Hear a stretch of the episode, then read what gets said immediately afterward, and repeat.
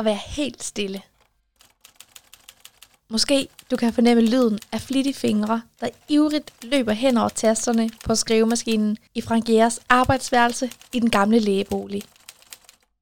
Forestil dig, at Jæger han sidder og skriver. Han prøver sig frem. Skriver, læser, forkaster, hiver papirarket ud og krøller det sammen.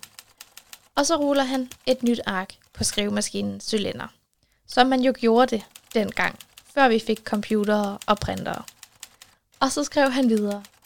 Digte blev til, og noveller, radiospil og essays. Frank Jæger skrev rigtig meget.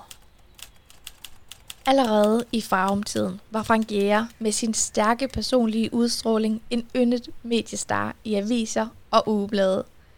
Han var kendt som digteren med sans for det idylliske liv, klassisk litteratur, brændehugning og skovvandring.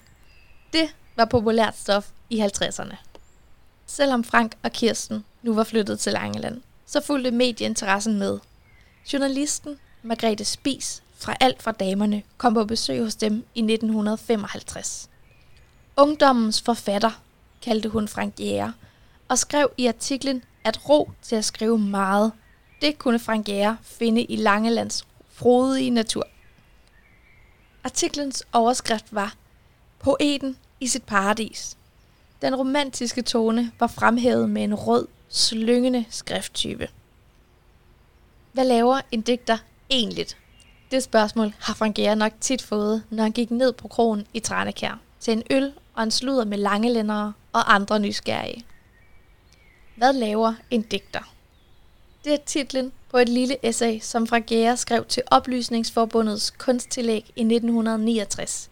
Han kan selvfølgelig kun svare for sig selv, skriver han. Hvad laver en digter? Jamen han skriver uafbrudt. Ikke bare ved at printe bogstaver på papir, men også ved at samle indtryk. Når jæger om formiddagen går tur med sin kone, mens andre pukler i værksteder, så arbejder digterhjernen. Når jæger rafler med den lokale skomager på krogen, så arbejder digteren også imens. En digter arbejder ikke bare fra 8 til 17. Han skriver også om natten, i weekender og ferier. En digter arbejder altid. Det meste bliver dog kasseret. Kun det bedste bliver udgivet.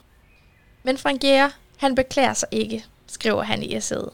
For han kan slet ikke lade være med at digte. Kun en eneste yndlingsfornøjelse, udover skriveriet selvfølgelig, havde Frank Jæger. Lovehængeriet kaldte han det. Det har han også skrevet en kronik om til politikken i 1962. Jæger skriver, at hans eneste hobby er lovehængeriet. At stå ved den hvide låge ved lægeboligen og glo på biler. Vi fornemmer, at Frank Jæger var et storbymenneske af sind. For hvad gør man lige i Tranekær, når der ikke er en tivoli-bænk, hvor man kan sidde og glo på mennesker, der spacerer forbi på promenaden? Rangier fortæller os, at så begiver han sig op til sin hvide låge og betragter de fire hjulede. Det er ikke mennesker, han hilser på, men bilerne. Volvoen og folkevognen, der aser op af slotsgade og forsvinder fra blikket, men ikke fra jægers ører. For han kan høre, når bilen runder svinget ved Tranekær Kirke. Derefter bliver lyden opslugt i mosen ved flådet, men dukker op igen i det fjerne, når sømmet bliver trådt i bund på landevejen syd for Rødby. Samtidig med, at fuglene vimser omkring Frankiere, der hænger ud over den hvide låge ved Slotsgade nummer 65 i Tranekær. Måske du i det fjerne kan høre en bil, der nærmer sig. Nyd stillheden et øjeblik. Og når du er klar til at gå videre, så fortsæt sydligt af Slotsgade, til du finder Åsøvej på din højre hånd. Det er næste fortællested. Start næste afsnit, når du er fremme.